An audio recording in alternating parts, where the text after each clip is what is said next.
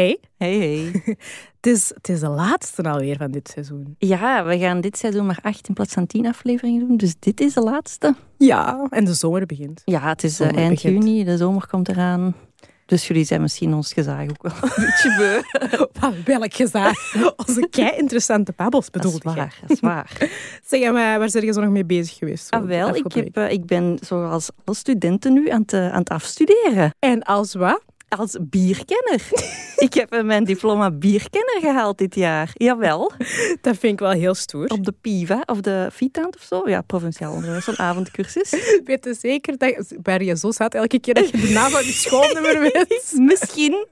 Misschien, maar ik heb mijn diploma. Ah wel, keigoed. Ah wel, dat is tof. Ja, ik ben er eigenlijk mee gestart als eh, research. Want ik uh, wilde iets doen, een, een project dat zich afspeelde in de bierwereld. En ik kende niks van hoe dat je bier maakt of dat een brouwerij werkt. Ja. Het project ligt inmiddels stil, Wenen wel. Maar ik dacht, ik ga die een diploma halen. En dan heb ik elke maandag uh, vier tot zes bieren geproefd. Dus ik heb in totaal meer dan 100 bieren geproefd het afgelopen jaar. Hmm, het is dat meer dat ik op maandag altijd wat meer berichten Alleen maar proficiat. proficiat. Dank u, dank u, En je hoort daar een titel bij?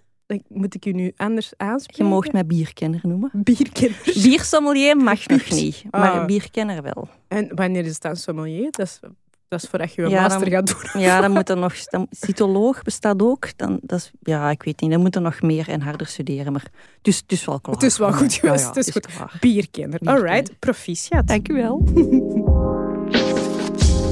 Dit is Keihard. Hey. Een podcast waarin we keihard onszelf zijn. ik ben Josephine Dalemans. En ik ben Dalila Hermans. En in deze podcast gaan we het hebben over dingen waar wij heel veel van vinden. Keivaag. Soms huge. Echt waar. Soms klein. Alleen zalig. Soms heftig. Oef. Soms funny. soms dicht bij ons. Bij mij werd er altijd gemeld. En soms ook helemaal niet. Dan moet ik echt afblijven. Wauw. Maar altijd real. En nu word ik gecanceld. Zonder schaamte. Maar dat gaat kei dom klinken nu. Ongefilterd. Keihard. Keihard, jongen. Keihard. Uh, Oké, okay, sorry, sorry, sorry.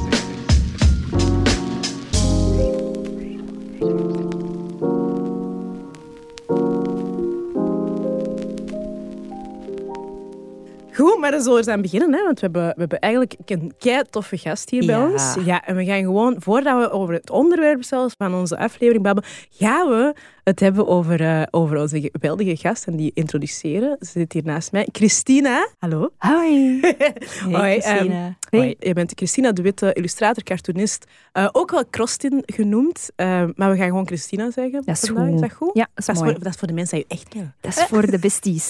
Christina voor de besties.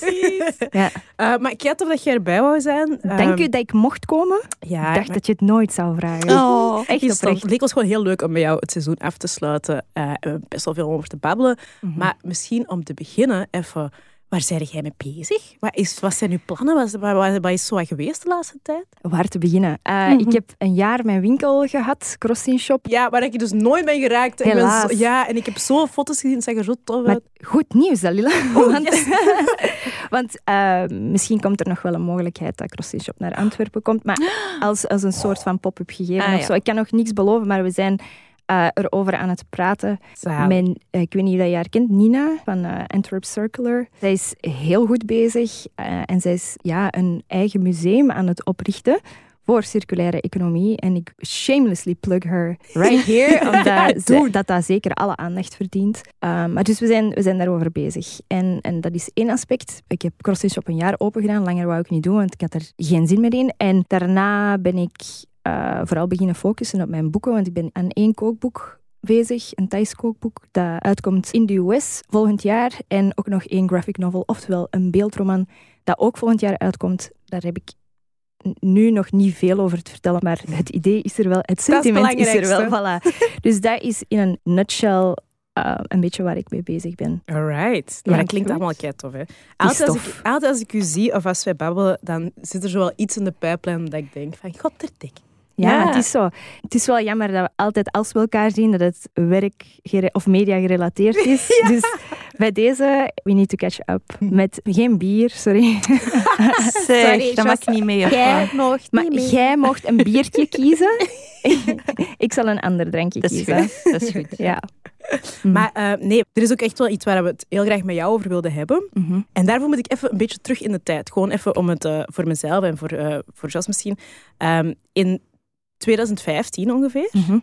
ja, 2015, um, heeft Bert de Wever, uh, die was toen al burgemeester van Antwerpen, heeft hij uh, de uitspraak gedaan um, ik heb nog nooit een Aziat ontmoet die zich slachtoffer van racisme voelt. Mm -hmm. En ik weet dat ik toen, want ik was dan zelf al aan het uh, schrijven, zo beginnend daarin, in mijn uh, antiracisme-activisme. Uh, ik weet dat ik daar ten eerste heel kwaad van werd, van die uitspraak, en heel erg van schrok. Um, en dat ik ook wel daardoor zelf meer begon op te letten van, oké, okay, waar zijn al die mensen met Aziatische roots rondom mij?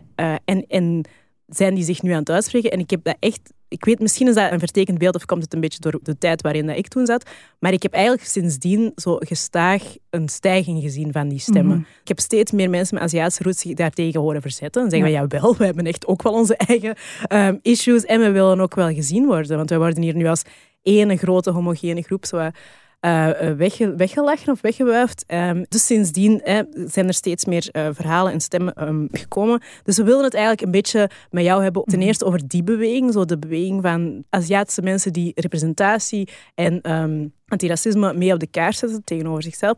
En een beetje over ja, wat je daar zelf in hebt meegemaakt en uh, hoe dat, dat zich verhoudt tot jouw werk. Maar misschien, Jos, eerst een paar facts en figures. Ah ja, um, we waren dat thema inderdaad aan het bespreken en ik um, begeleid een bachelorproef van een studenten journalistiek die jij ook kent, ja. van de Put. Yes. Ja, zij uh, heeft een Chinese achtergrond en zij doet dus ook haar uh, bachelorproef rond dit thema. Mm -hmm. uh, en zij heeft een enquête afgenomen bij mensen en een van de vragen was van als je het hebt over Aziaten, waar denk je dan aan? En heel veel mensen zeggen dan, ah ja, Chinezen of Japanners. Maar de groep Aziaten is ontzettend uh, groot en divers en, en breed. Hè? Absoluut. Bijvoorbeeld, uh, meer dan 61% van de wereldbevolking woont in Azië. Ja. Um, en het is het grootste werelddeel. En het is ja, cultureel enorm, enorm divers. Ook fysiologisch. Hè? Mensen Mhm. mm -hmm. die daar in Afghanistan of Pakistan wonen, zien er totaal anders Absoluut. uit dan mensen die in de Filipijnen of in Japan wonen. En dat is iets waar dat, uh, denk ik, wij Westerlingen niet altijd bij stilstaan. Nee, dat is waar. Ik heb daar heel veel over te zeggen. Uh, ja, uh, ik denk dat er heel veel verschillende aspecten zijn.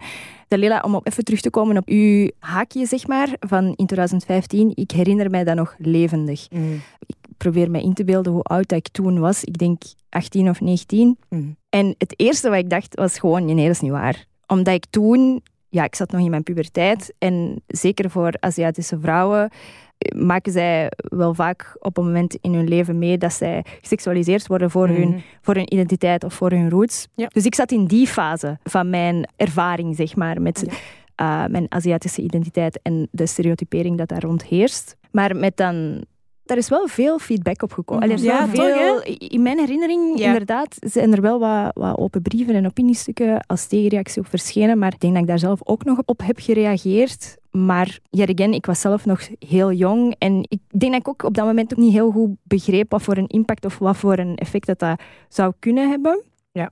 Maar het is effectief, zoals jij ook zegt, ik ervaar dat ook, dat er een stijging is van mensen die zich meer uitspreken. Ook meer representatie of een accuratere, eerlijkere representatie van wat het de Aziatische gemeenschap kan zijn. Want ik heb niet echt een gevoel dat er één Aziatische gemeenschap is, omdat wij juist zo versnipperd zijn en omdat wij juist met zoveel en, en zoveel verschillende mensen zijn. Mm Ja. Er zijn heel veel overlappingen. Hè. We hebben een tendens gemerkt, zeker met de Facebookpagina Subtle Asian Traits.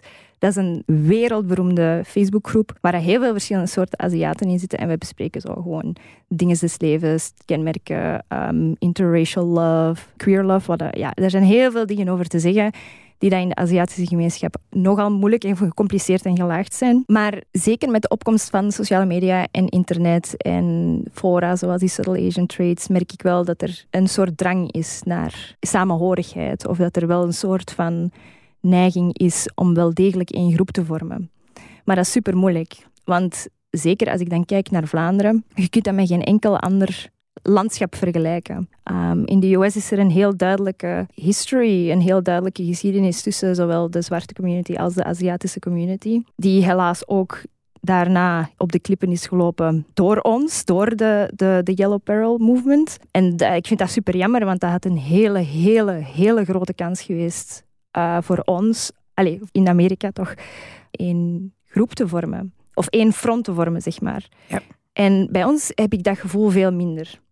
Dat is gewoon zo. Allee, zeker als ik kijk naar Vlaanderen, wij hebben die geschiedenis niet. Dus de uitingen zeg maar, zijn totaal anders. Of ja, totaal anders is misschien veel gezegd, maar toch anders, vind ik. De uitingen van, van hoe uh, de Aziatische gemeenschap aan community building ja. doet? Of, ja, oké. Ja, want bijvoorbeeld in Antwerpen hebben we wel zo die Asia Town. Ja, dat is zo'n micro-community, zeg maar. Maar ook, yet again, daar zijn heel veel verschillende soorten Aziaten. Uh, je hebt Thaise mensen, je hebt Chinese mensen, je hebt Tibetanen, je hebt Pakistanen. Je, je, hebt alle soorten in die kleine, in kleine straat. kleine straatje daar, ja. In die kleine straat, maar dat bewijst voor mij dat het wel degelijk kan. Maar zelfs in die community van verschillende communities zijn er ook nog heel veel andere problemen die moeten aangepakt worden. Ik, ik ben trots, zeker weten, maar ik weet even goed dat er nog heel veel werk is aan de winkel in onze eigen community.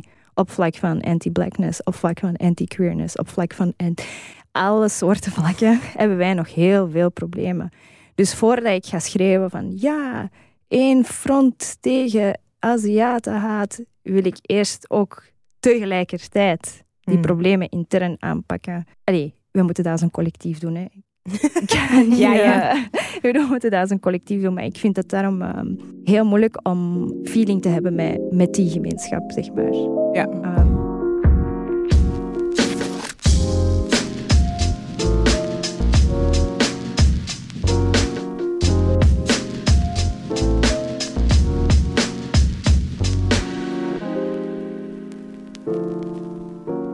Maar dat vind ik wel herkenbaar. Ja. Want ik denk sowieso, ook, ook binnen de zwarte gemeenschap, heb je heel veel conflicten. We hebben ook heel veel interne conflicten. We hebben ook heel veel dingen die wij nog moeten ontleren. Mhm. Dat is wel vergelijkbaar, denk ik, op een of andere manier. Maar we gaan er later nog op terugkomen. Ja, ik, heb, ik, heb, daar straks nog een, uh, een vraag over. Okay. Maar ik heb daarnet... Um, ja, het gaat over die stereotypen en die leven. Misschien... Um, in uw ervaring, wat zijn mhm. zo een paar stereotypen waarvan dat jij vindt die leven over mensen met Aziatische roots en die heb ik zelf ervaren als, uh, terwijl ik mhm. opgroeide? Um, ik heb Thaise roots, wat wil zeggen dat, dat ik Zuidoost-Aziatische roots heb. Maar mijn vader is wit, dus dat wil zeggen dat ik een biraciaal kind ben. Nu, als kind werd dat heel vaak in de vorm van je ogen naar achter trekken en zo ching chang chong roepen naar mij. Dat was wel zo'n hele bekende, waar mhm. dat waarschijnlijk every East or Southeast Asian uh, person uh, to deal with. Dat soort dingen. Daarna in het middelbaar ging dat vooral over mijn mama en de stereotypen daar rond. En dan heel specifiek uh, rond de Thaise identiteit. Uh, uw mama is sowieso een ladyboy. Ah. Jij bent sowieso een ladyboy. Uw mama is sowieso een post-order bruid. Uw mama is bij papa voor het geld. Mm. Terwijl mijn mama zeven jaar ouder is dan mijn papa. Uw mama is gewoon naar hier gekomen om te profiteren. Maar ja, weet je, dat zijn allemaal zo van die dingen waar heel veel mensen met migratieachtergrond mee te maken krijgen. Dus dat soort dingen. Maar ook de omgekeerde richting. Hè, wanneer ik het net ook even aan heb gehaald van seksualisering of mm. overseksualisatie van uh, Aziatische vrouwen, heb ik ook meegemaakt. Van mijn 15 tot 22 vooral, zal ik maar zeggen. Ik zeg die specifiek die periode, omdat ik me dat toen heel hard aantrok. Ja. Nu maakt mij dat iets minder uit, gelukkig. En de klassiekers, hè. Oh, je kunt goed Nederlands. uh, ik werd ooit eens door een wildvreemde aangesproken op straat. En ik herinner mij dat nog heel goed. En dat is wel eigenlijk een mooi verhaal. Ik, ik was aan het fietsen op straat en ik fietste achter een man. En die stopt aan het rood licht en wij stoppen naast elkaar. En die kijkt mij aan. En die kijkt zo terug weg. En ik denk, ah, misschien heeft hij mij herkend of zo, weet ik veel. Hmm. Die kijkt mij terug aan en die spreekt mij aan. Maar die zegt geen hallo. Die zegt geen hoe heet jij, hoe gaat het. Die zegt van waar komt jij. Ik, compleet van mijn melk, dacht, mm, heb ik zin om het spelletje vandaag te spelen of niet? Want soms heb je daar zin in om dat spelletje te spelen. Dus ik doe zo, huh? ik of, ah ja, uh, Mechelen. Hij zo, nee, nee, nee, uw ouders. Ik zeg, ja, Mechelen. en hij zo, nee, nee, nee, maar oké, maar van waar komt je? Zo die. En ik dacht oké, ja, het wordt een beetje te langdradig. Dus ik zeg, mijn roots liggen in Thailand. En hij zegt, ah, dus jij spreekt Thais. Ik was op dat moment in mijn leven totaal niet bezig met mijn Thaise identiteit, dus ik zei nee. En hij zei, ah, dus je bent geadopteerd. En ik zei, nee, ik ben niet geadopteerd. Hij zo, ja, dat is wel raar, hè? En dan het gesprek is nog niet gedaan. hij begint gewoon in Thais tegen mij te praten, maar zo super hakkelig en zo super slecht. Want obviously begreep ik wel een paar dingen, maar hoe dat hij dat deed, dat was zo... Ik voelde mij zo groot. Ik toon nu mijn twee vingers die een centimeter van elkaar liggen. En al die mensen achter mij zagen wat er aan het gebeuren was, maar ik keek echt naar die mensen van please, zeg iets. Dit is zo oncomfortabel. Please, please, please, please. En dan reed hij gewoon door. En dat was zo'n raar moment voor mij. Mm. En dat heeft mij zo painfully aware gemaakt van hoe dat ik eruit zie. Dat dat een discrepantie is met hoe dat ik mij voel. Of hoe dat ik denk dat ik eruit zie. Waar ik vandaan kom. Waar ik ben opgegroeid. Dat zijn allemaal kliffen die heel ver uit elkaar staan. Ik ben daarna naar huis gereden en ik heb dit exacte verhaal aan mijn papa verteld. Dus die witte man van daarnet, waar ik het over had. Dat is nog altijd dezelfde. en echt waar, op dat moment zei hij gewoon zo, hè. Amai, het spijt mij echt dat dat is gebeurd. Ik ga nooit snappen hoe dat, dat voelt, maar dat is echt kut. En dat was exact wat ik nodig had op dat moment. Omdat ik zoiets had van, aan wie moet ik dat gaan vertellen? Als je opgegroeid bent in een witte buurt, in een witte, overwegend witte school. Ik had geen vrienden van kleur op dat moment, heel weinig. Mm. En dat mijn papa dat dan zei, ik vond dat zo validating. Ik vond dat echt heel mooi ergens. En, en op een bepaalde manier wist ik wel zo van, ja, eigenlijk... Ook al snap je dat niet, je voelt wel mijn leed of zo op dat moment. En dat was wel nice. Ja. Dus dat soort dingen dan vooral in mijn tienerjaren en mijn mid-twenties. En ja, de lijst is eindeloos. Hè. We hmm. kunnen erover blijven gaan. Dat zijn de klassiekers. Het zijn zo wat de, met de eerder Asian touch, zeg maar, zijn er ook eet ga hond, uh, dat soort dingen. In de, kan er een boek over schrijven. In die bachelorproef van, van Chen uh, interviewt ze ook mensen met Asian roots. En daarin uh, zegt de meisje ook van, ja inderdaad, eet ga hond. Ja. Heb ik ook al vaak gehoord. En dan antwoordt zij...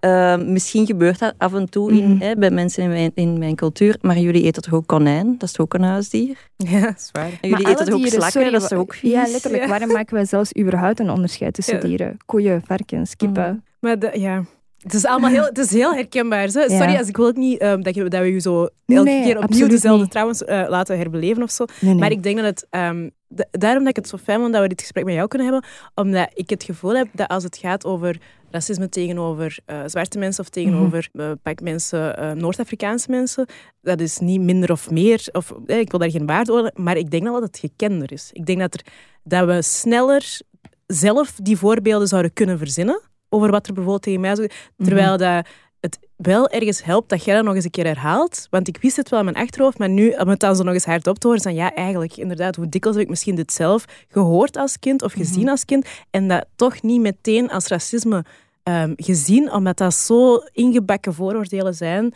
die eigenlijk nog maar sinds kort in vraag gesteld worden. Dat is zo. En dat, dat ligt eigenlijk ook compleet in lijn met, met wat dat meneer De Wever toen heeft gezegd. Hij kent zogezegd geen enkele persoon met Aziatische roots die racisme heeft ervaren. Dat is een visieuze cirkel. Want dat, dat gaat ervoor zorgen dat mensen dat misschien niet snel durven zeggen of daarover praten.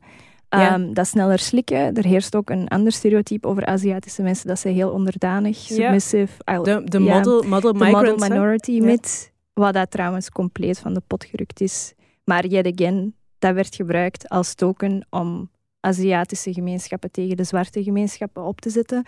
Dus ik begrijp wel de tendensen daarachter, maar vraag dat aan iemand in Asia Town, die gaat dat niet zo ervaren. Die gaat dat gewoon, als er op die persoon gespuugd wordt, omdat corona in het land is, gaat hij niet denken van, mm, ik ga naar Unia stappen, want ze gaan toch niets doen.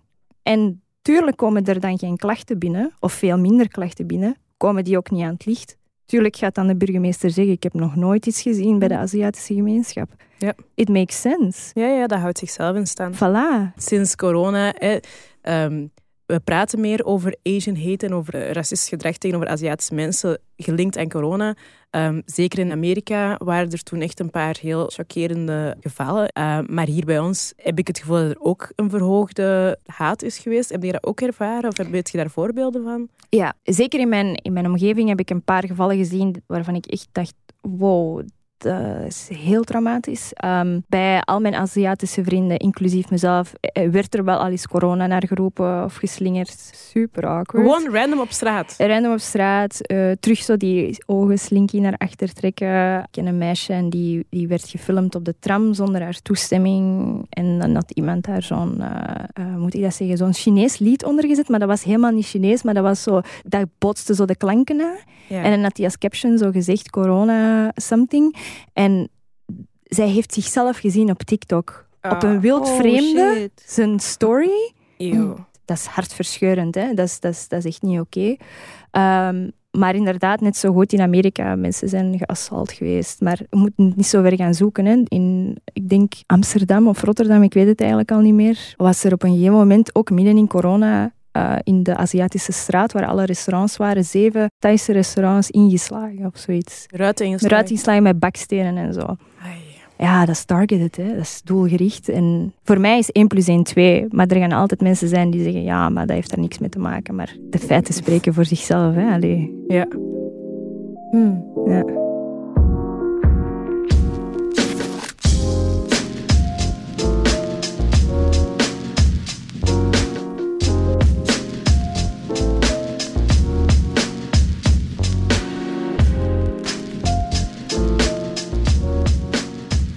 Ja, dat is allemaal best wel heftig, man. Ehm, ik denk dat het tijd is voor even pauze. Oké. Toch? Ja, ja. goed. Uh, ja, en wat doen we als we pauze pakken? Dit keihard.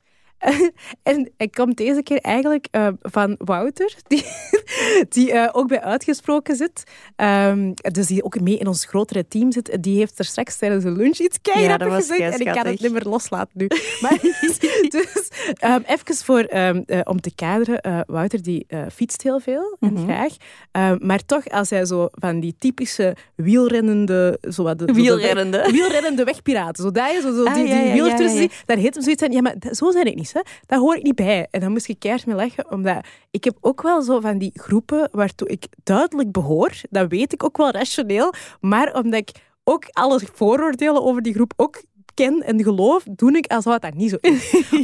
bijvoorbeeld de wine moms. Ik zal er keihard mee lachen, terwijl, hallo, ik ben echt letterlijk de definitie ja, van een wine mom. een wine mom. Absoluut. Of ook zo, um, ik heb geen rijbewijs, zoals iedereen tussen al lang weet, maar um, eigenlijk zou mijn leven handig zijn als ik een bakfiets zou hebben. Zo'n elektronische bakfiets zou mijn leven echt vergemakkelijken. Maar ik wil niet... Een bakfietsmama Ik wil geen bakfietsmama worden. Terwijl, waarom niet? Wat is het in mij dat daar zo flauw over doet? Heb je ook zo'n ja. groep waarbij dat je zit en dat je denkt, ik wil het uh, niet. I rebuke it. Ja, ik denk sowieso de, de middenklasse witte, witte vrouw. Hè? De, ja, degene die dat zuurdesembrood bakt. Ja, it's me. Ik uh, heb ook een abonnement op een pluktuin. Dus ik ga in het weekend zelf mijn bloemen plukken en ik zet die dan in een vaas op tafel, zo'n veldboeket, hè, gelijk bloemon. Maar ik doe het dan zelf en dan voel ik me daar stiekem beter over. Oh, ja, ja. Dus ja, ik ben volledig... Uh, ja, maar toch ook weer niet, want ik kan dan ook wel zeggen dat ik een biercursus ah, volg. Hè? Ah, zo, dus zo blijf je weg van de Karen. Zo, door, ja, daar nog iets tegen. Maar mijn kinderen zeggen wel vaak kaart Karen of White Mom tegen mij. Dus ja. Ja, kijk. Dus um, kijk. Voilà, dat keihard. All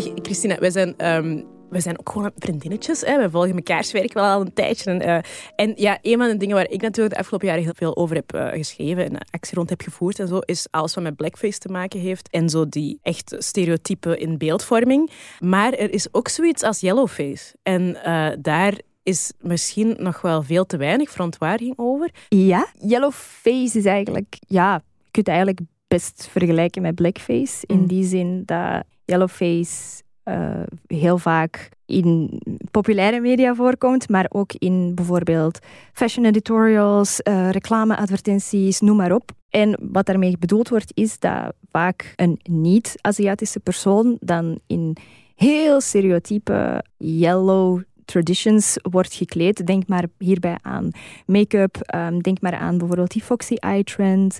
Uh, denk maar hierbij aan bijvoorbeeld... Met die, de allergrootste Foxy Eye trend bedoel je zo, dat zo eigenlijk zo... dat hele... Ja, zo, dat streepje aan de ogen, waardoor dat... Ja, ja pas op, want er is een nuance. Hè, want allee, de bedoeling... Hoe moet ik dat zeggen? Dat is echt zo'n beetje het na... Het uh, nabootsen van... van... Het nabootsen van, inderdaad, monolith eyes. Allee, zo die hele... Ja. Allee, de, de Aziatische oog, zeg maar. maar. Whatever that may be, want er is niet één Swat, ja. anyway. ik snap u. Snap je? Ja, ik snap. keihard, ja. snap je mij. Maar uh, kennen jullie Oshi? Oshi? Ja, ah, ja, dat was ja, Wendy. Het was een Nederlandse uh, comedian of cabaretier. Exact. En wat dat zij deed, ik ga het gewoon aan de hand daarvan uitleggen, dat is het beste voorbeeld. Aan de hand van interviews, dus mm. zij interviewde wereldberoemde celebrities, maar zij was niet Wendy op dat moment, zij was Ushi, blijkbaar mm. een Japanse interviewster, um, dus volledig zo heel wit geschminkt ook, hè, mm-hmm. zodat zij zo geisha-like uh, eruit ziet. Um, kort zwart haar, zo van die overdreven grote tanden, dat dat ook zo heel cartoonesk is en zo heel um, stereotyperend. En ze sprak met een vals accent. Ja. En dat was de, de grap. Dat was de prank. als Adele dan tegenover uh, haar in de stoel zat en die stelde dan allerlei rare vragen, dan was de joke, ik ben eigenlijk wit. Maar ik heb nog geen enkel van die celebrities gezien die dat, dat echt zo van wow, haha, grappig nee, Iedereen vond dat gewoon heel awkward. Ja. Dat is super gênant en ik snap echt niet wat dat er tijdens die redactievergadering allemaal is gezegd geweest. Maar ik, bon, met andere woorden, Yellowface is eigenlijk het u voordoen of ja, verschillende elementen uit verschillende traditionele culturen op u nemen en doen alsof dat je een Aziatisch persoon bent of karakteristieken daarvan vertoont. En ook wel om een beetje daarmee te lachen, hè? Niet? Ja, heel vaak, heel, vaak, is dat inderdaad spottend, cartoonesk. En ja, vaak, zeker de afgelopen jaren, um, merk ik wel zo dat er veel meer um, awareness is rond die stereotyperingen en zo. Maar heel veel van die stereotyperingen zijn eerder ook subtiel. Denk maar bijvoorbeeld aan chopsticks in je haar en zo. Dat soort dingen. Je doet dat niet. Uh, waarom niet? Omdat chopsticks niet gekruist mogen worden, bijvoorbeeld. Omdat mm. dat bad luck is en zo. Allee, ik wil maar zeggen, er zijn heel veel van die dingen die dat eerder subtiel zijn dan, dan heel opvallend. Ja. En dan wordt het moeilijk. Ja, ja. Ja, want dat was nog een vraag die ik had, of, of iets wat ik bij jou wil aftoetsen. Um, we hoorden de laatste tijd heel veel over cultural appropriation en mm. over het overnemen van elementen uit een bepaalde cultuur zonder die cultuur te crediten en zonder mm. daar uh, en uh, door daar zelf winst uit te slaan bijvoorbeeld. En dan spreken we echt over, over uh, appropriation. Um, maar een paar van de meest opvallende voorbeelden daarvan, mm-hmm. um, die komen vanuit de Aziatische cultuur, maar die zijn zo ingeburgerd dat we het bijna niet meer zien. Kimono. Bijvoorbeeld kimono, bijvoorbeeld het Boeddha-beeldjes, bijvoorbeeld uh, een aantal gerechten. Ja. We hebben die zo ons eigen gemaakt. We weten helemaal niet meer wat de oorsprong is. Wat de betekenis is. Wat de betekenis Daar wordt ontzettend veel geld mee verdiend. Hè? Absoluut. En, uh, dus dat is echt de klassieke voorbeelden van wat dat cultural appropriation in zijn slechtste vorm eigenlijk is. Mm-hmm. Maar we zien het bijna niet omdat, we het, omdat we het gewoon niet, niet, meer, niet in vraag gesteld hebben, of te weinig. Nee, en weet je wat, ik moet dat u niet vertellen, hè, maar als, als er dan iemand is die dat zich daarover uitspreekt, mm wordt die persoon heel vaak geshutdowned. Uh, er wordt heel vaak mee gelachen, er wordt heel vaak gepest, er wordt heel vaak niet geluisterd gewoon. En dat maakt het weer die visieuze cirkel waar we het net over hadden. Dat zorgt ervoor dat mensen zich nooit meer uitspreken. En zeker als je al met die achterstand, quote-unquote achterstand begint van Aziaten zijn onderdanig, rustig, spreken zich nooit uit, hardwerkende mensen, dit en dat. Ehm, het is makkelijker voor die mensen om, om in diezelfde positie te blijven zitten op dat moment. Ik heb het er met heel veel Aziatische vrienden ook over gehad, maar als ik dan bijvoorbeeld kijk naar de generatie van onze ouders eigenlijk en dienstouders, die waren helemaal niet bezig met cultural appropriation.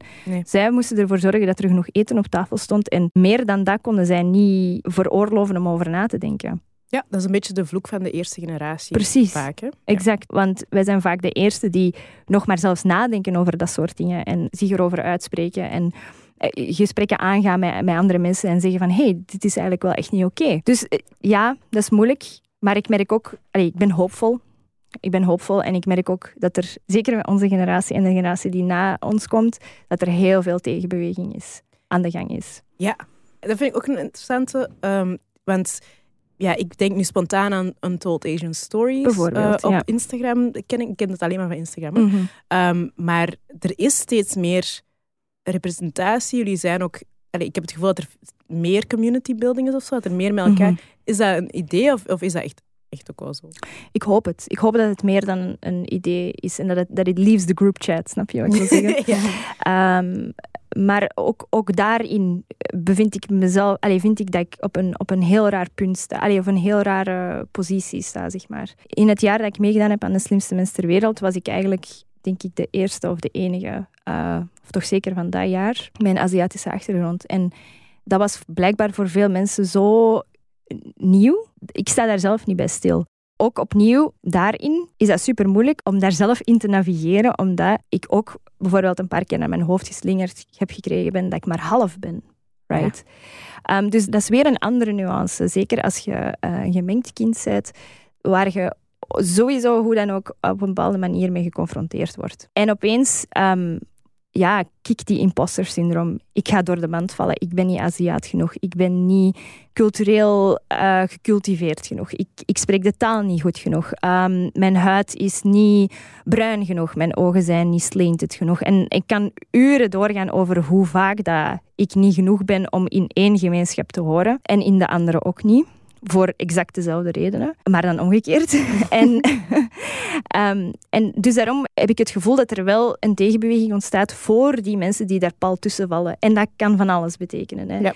Geadopteerd, geassimileerd, um, hier geboren of niet, India, Pakistan, Rusland, dat zijn ook, allee, wij vergeten die ook heel vaak, maar we also have a lot of brown Asian people. En er zijn baby steps aan het gebeuren, maar Vanaf dat wij meer intersectioneel gaan kijken naar onze community, dan gaan er echt een hele grote shiften gebeuren volgens mij. Maar tot die dag is er nog veel en hard werk. Maar ik, again, ik blijf hoopvol.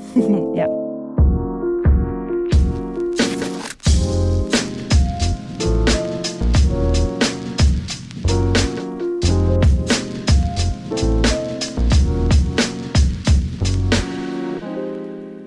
Ja, ik herken veel van wat je zegt. Hè. Jij werd al um, als uh, cartoonist bekend en echt bekend. Um, eigenlijk voordat heel die, die beweging echt zichtbaar werd. Mm -hmm. um, dus je bent op veel vlakken ook gewoon a first geweest. Ja. Wat dat ook gewoon een heel zwaar gewicht op je schouders is. Ja. En je was toch heel jong? Ja, want ja. dan vroeg ik me inderdaad af, hoe, hoe is dat voor u persoonlijk om, om ja, toch wel een beetje als rolmodel naar voren geschoven te worden. Op zo'n jonge leeftijd. Hè? Terwijl dat je zelf nog niet helemaal, zoals je in het begin van de episode zei, er nog niet helemaal uit bent. Nee, ik was nog volop en ben nog altijd in mijn identiteitscrisis. Um, ik heb toen, uh, toen ik 21 of 22 was, een interview gegeven voor Charlie. Mm -hmm. En daarin heb ik dat ook heel uitgebreid verteld, van dat dat echt heel...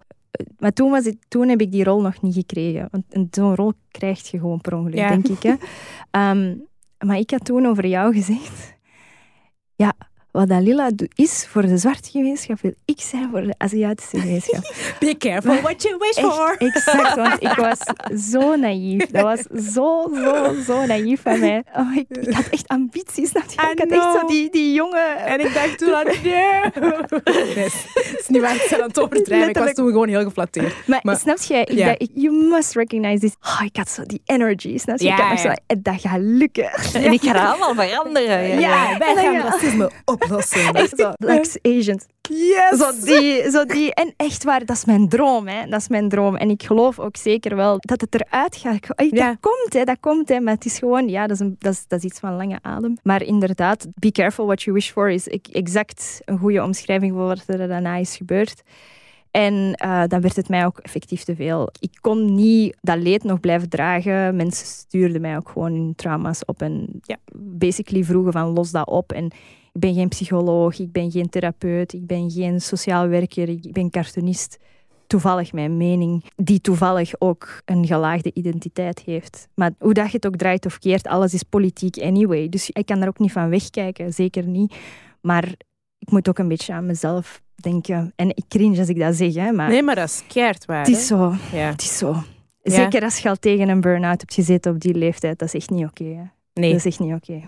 Op elke leeftijd, by the way. Uh, Burnout niet oké. Daar zijn we het okay. denk ik allemaal ja. wel mee eens. Ja, ja, ja. Um, maar dat is heel herkenbaar wat je zegt. Hè. Ik wou misschien nog eens um, even misschien een heel concrete andere mm -hmm. vraag stellen. In ons voorgesprek hierover heb je ook gezegd, Dalila, dat er een bijzondere connectie is tussen Afrika en Azië. Ja. Maar mm. ik had zoiets van, huh, wat bedoel je dan? Omdat er zoveel Chinese bedrijven in Afrika aan het werken zijn? Of, of, of... Ja, ook, maar zelfs gewoon verder in de geschiedenis. Mhm. Wij kijken altijd naar migratiestromen vanuit een eurocentrisch perspectief. Alsof dat de Europeanen naar Azië en naar Afrika gingen. Maar er was ook intercontinentaal. Er waren heel veel Afrikaanse gemeenschappen die met Aziatische gemeenschappen handel dreven, ja. uh, universiteiten deelden. Allee, daar is een heel lange geschiedenis.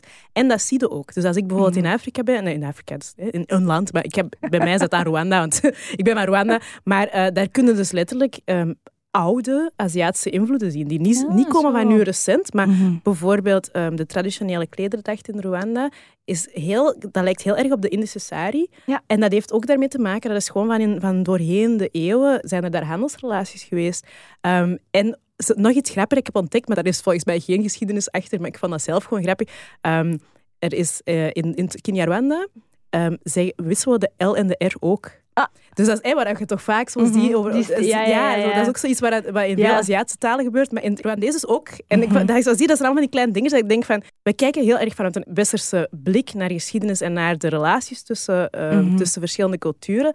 Terwijl, ja, er was ook een tijd voordat al die mm ontdekkingsreizigers, aka colonizers, uh, op hun boten sprongen. Letterlijk. Um, dus dat, dat is wat ik daarmee wilde zeggen. Van. Eigenlijk zijn er daar als je, ik denk dat er nog niet heel veel onderzoek naar is gedaan, of misschien is dat gewoon nog niet tot bij ons geraakt. Mhm. Maar als we dat zouden doen, zouden we heel veel uh, archeologisch bewijs vinden van die uh, relatie. En als je dat kijkt op een wereldkaart, is dat ook logisch dat er van daaruit. Maar natuurlijk wel je kijkt bij elkaar. Voilà, precies. Ja. Exact. En ik vind dat ook wel heel mooi. Ja, ik ook. Omdat, ja, ja, nee, niks anders. Gewoon, mooi. Period. Ik vind dat gewoon mooi, ja. Maar dat is misschien ook een manier om connectie te maken tussen die twee communities, omdat je een uh, gezamenlijk verleden hebt ergens dat je misschien kwijt bent geraakt of vergeten. Ja, en er zijn ook nog altijd heel veel overlappingen waarbij dat je dat niet wist van elkaar. Ja. Denk maar bijvoorbeeld aan rijst. Gewoon dat alleen al. Ja. Dat is van zo'n groot cultureel belang ja. voor onze gemeenschappen. En dat is vitaal, dat is, reist dat voor het leven. Hè? Dat, is, dat heeft zoveel meer betekenis dan gewoon een korreltje. En dat is zo interessant om te weten en dat is nice. En dan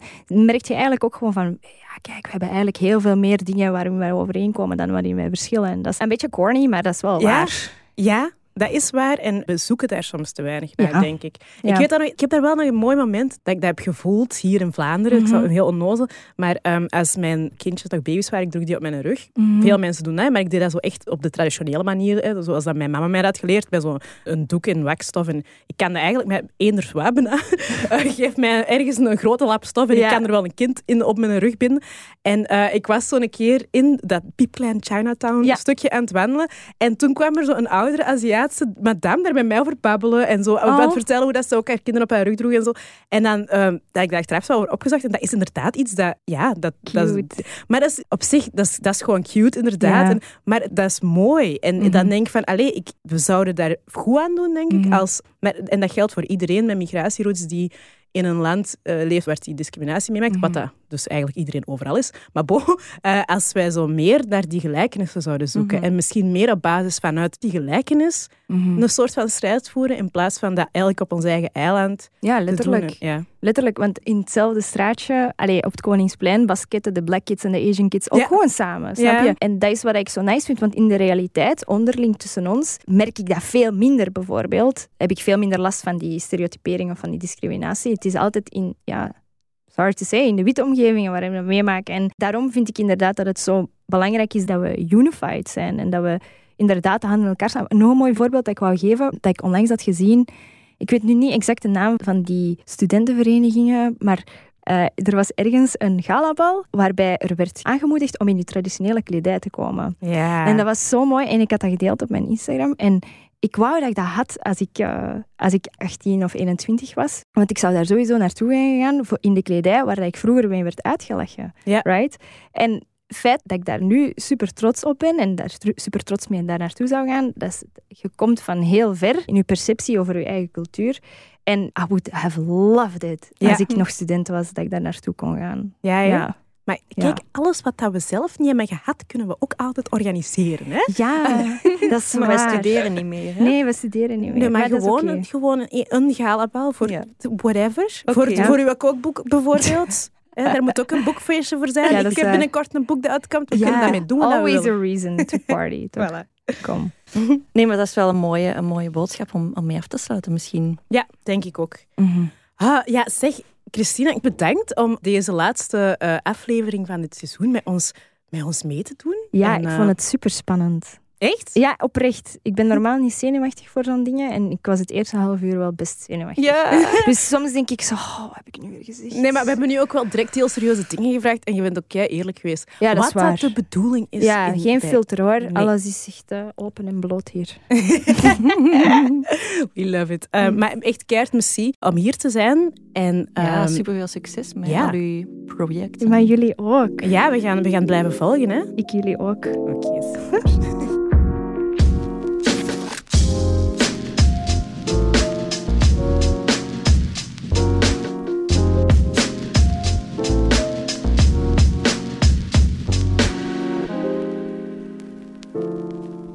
Ja, de laatste van het seizoen. En Zot, hè? De laatste ever? Of... Dat, ja, dat weet ik nog niet zeker.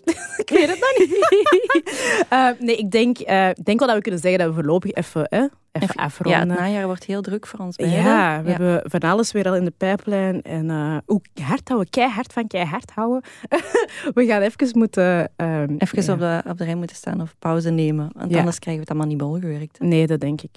Ehm, maar ik heb wel keihard genoten weer van heel deze seizoen. Ja, ik ook. Echt waar, ik heb me weer keihard geamuseerd. Mhm. Ik heb het gevoel dat ik weer keihard heb bijgeleerd. Ja, dat vooral. Ja, Ja. in deze aflevering, maar in elke aflevering. Ja. Echt, ja. Het is heel goed geweest voor mij. Voor mijn persoonlijke ontwikkeling. ja, echt waar. Eh, maar in dat, eigenlijk met dat in het achterhoofd leek het ons ook wel... We gaan even mailig doen, want dat mag. Aan Soms het einde mag van iets mogen mailig Ja. doen. Dus eh, de softspot van deze laatste keihard gaat naar... Onze, Onze luisteraars. Ja, ja, we zijn mailig, ik weet het, maar eh, we nemen het echt heel letterlijk. Hè. We hopen dat jullie allemaal, als we deze softspot op internet zetten, dat jullie elkaar gaan taggen, dat jullie gewoon even ja, elkaar gaan beginnen volgen en zo. Want wij hebben echt het gevoel dat jullie super toffe dingen doen, dat al onze luisteraars kei slimme, grave mensen zijn die eh, elkaar ook moeten leren kennen. Dat die community hier, de keihard community, Ja. wel keihard blijft bestaan. Ja, die- want jullie hebben ons ook altijd heel veel energie gegeven. Altijd heel leuke feedback. Dat zijn Ja. we niet gewoon. Nee, Ehm, Nee, echt waar. Heel deze podcast, we hebben niks als toffe, Ja, interessante, klopt. waardevolle, opbouwende feedback gehad. En dat is echt... eh, Dankzij jullie. A godsend.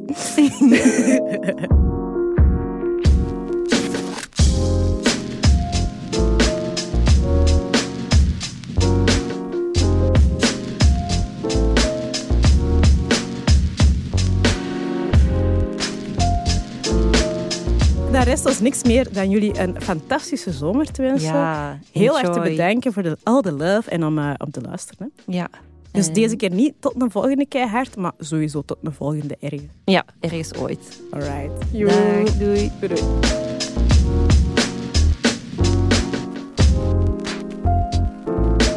Je hoorde natuurlijk alleen onze stemmen, maar achter de schermen werken heel veel mensen mee aan deze podcast. Hè. Dat is waar en eh, die willen we bedanken. Dat is in de eerste plaats podcastagentschap Uitgesproken, waar we mee samenwerken. En eh, ja, de productie en de montage wordt gedaan door ons fantastische Ella van Einde. We love her.